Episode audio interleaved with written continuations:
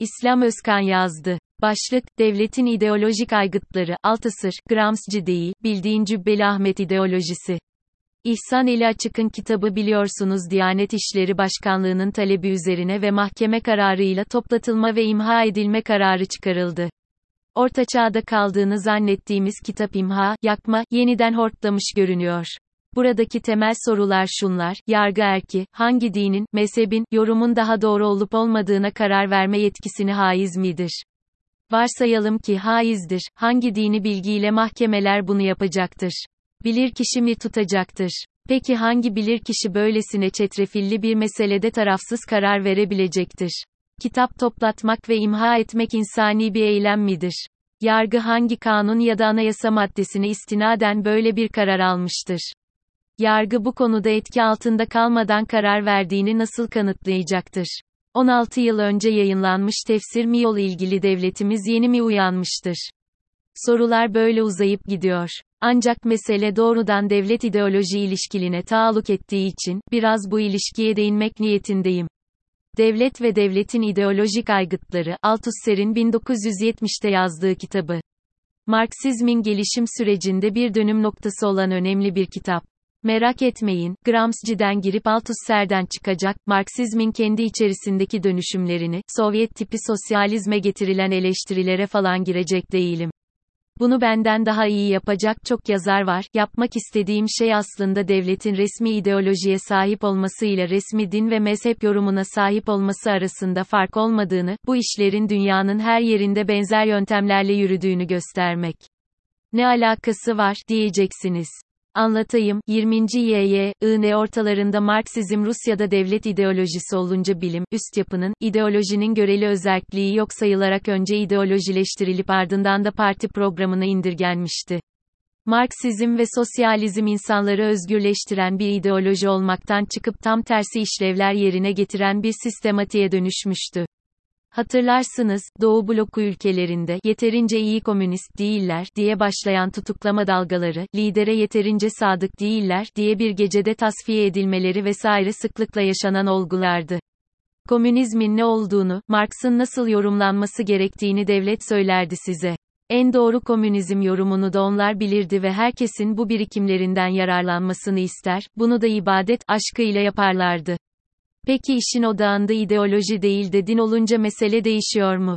Elbette hayır. Politbüro'nun o dönemde yerine getirdiği bir misyonu şu an farklı araç ve aygıtlarla Diyanet yerine getiriyor. Nasıl olur da politbüroyu Diyanetle bir tutar, seküler ideoloji ile dini ideolojiyi birbirine indirgersiniz diyebilirsiniz. Ancak sorun, ideolojinin din haline getirilmesi ve dinin parti programına indirgenmesi süreçlerinin birbirine oldukça benzemesidir. Aslında Diyanet, kendisine yüklenen misyonu belki bu kez daha kaba saba biçimde yerine getiriyor aslında. Diyanet başından beri Sünni Maturidi Hanefi çizginin temsilcisi, onun resmi savunusunu yapan bir kurum olarak kurulmuştu. Bir mezhebin ya da din yorumunun resmi din ya da mezhep yapılması, vatandaşların din hizmetlerini kolaylaştırmak ya da onların beklentilerini karşılamak amacıyla yapılmıyor. Söz konusu din, resmi bir hegemonik din anlayışına indirgenebiliyor mu? Kullanışlı mı devlet için önemli olan budur. Ne yani devleti yönetenler gerçeğin peşinde ya da yitik hikmetin izinde olan bir avuç hakikat aşağı mı yani? Onlara göre devletin bir dini elbette olmalı ama yetmez resmi bir mezhebi de olmalı o da yetmez, tercih edilen mezhep devletin âli çıkarlarını korumalı. Sorun şu ki resmi kurumlar bir mezhep, meşrep ya da dini yorumun yılmaz müdafi olarak karşımıza çıktığında ister istemez, o teolojiyi devleti temsil eden kesimlerin çıkarlarıyla bağdaştırmak zorunda kalıyor. İşin doğası bu, bir devlet böyle işler çünkü.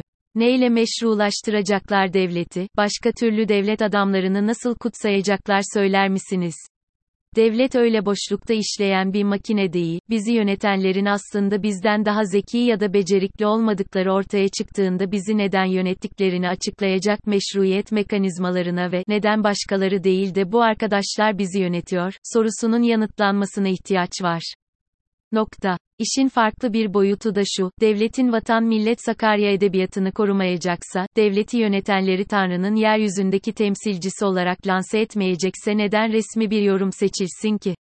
Ne yani devleti yönetenler gerçeğin peşinde ya da yitik hikmetin izinde olan bir avuç hakikat aşağı mı yani? Onlara göre devletin bir dini elbette olmalı ama yetmez resmi bir mezhebi de olmalı o da yetmez, tercih edilen mezhep devletin âli çıkarlarını korumalı. Yalnız ufak bir sorun var, Türkiye toplumu çok mezhepli ve çok etnisiteli bir toplum. Toplumdaki bu mozaik yapı, hiçbir resmi dayatmanın kalıcı olamayacağını gösteriyor. Osmanlı bile bunu başaramamış. Alevi toplumu, katliamlara ve asimilasyon politikalarına rağmen hala ayakta ve bu politikalara direniyor. Zira, zaten belirli bir mezhebin ya da din yorumunun resmi din ya da mezhep yapılması, vatandaşların din hizmetlerini kolaylaştırmak ya da onların beklentilerini karşılamak amacıyla yapılmıyor. Söz konusu din, resmi bir hegemonik din anlayışına indirgenebiliyor mu, kullanışlı mı devlet için önemli olan budur. Zaten devlet dediğiniz olgu, her şeyi araçsallaştırır, öyle zannedildiği gibi yüce hedeflerle işi olmaz devletin. Kitlelere sunulan din, örneğin 15 Temmuz darbe girişiminin her yıl dönümünde ordu ve devlet güzellemeleri yapmalı.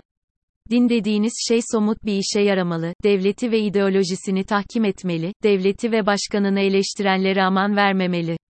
Ne öyle önüne gelen devleti eleştiriyor kardeşim, Dingo'nun ahırı mı burası, bu memleketi sahipsiz mi zannettiniz, diyecek birilerine dini gerekçeler sunmalı. İşte bugünkü Türkiye'de din bunun için var, AKP İslamcı olduğu falan için değil. Zira din, böyle bir yapıda hiçbir zaman ulvi hedeflere götüren bir fenomen değil, devleti yönetenlerin yaptığı baskı ve zulümleri meşrulaştıracak kültürel bir mekanizmadır. En azından devlet ricali gözünde hep böyle olmuştur. Çünkü asıl olan din değil, devlettir, kendi çıkarlarıdır. İhsan Eli Açık'ın 16 yıl önce yazmış olduğu Yaşayan Kur'an adlı esere el koyulması, toplatılması ve imha edilmesine dair bir mahkemenin almış olduğu kararı ilişkin aklıma gelenler bunlarda aziz okuyucularım. Yakında Cübbeli Ahmet'i Diyanet İşleri Başkanı olarak görürseniz şaşırmayın.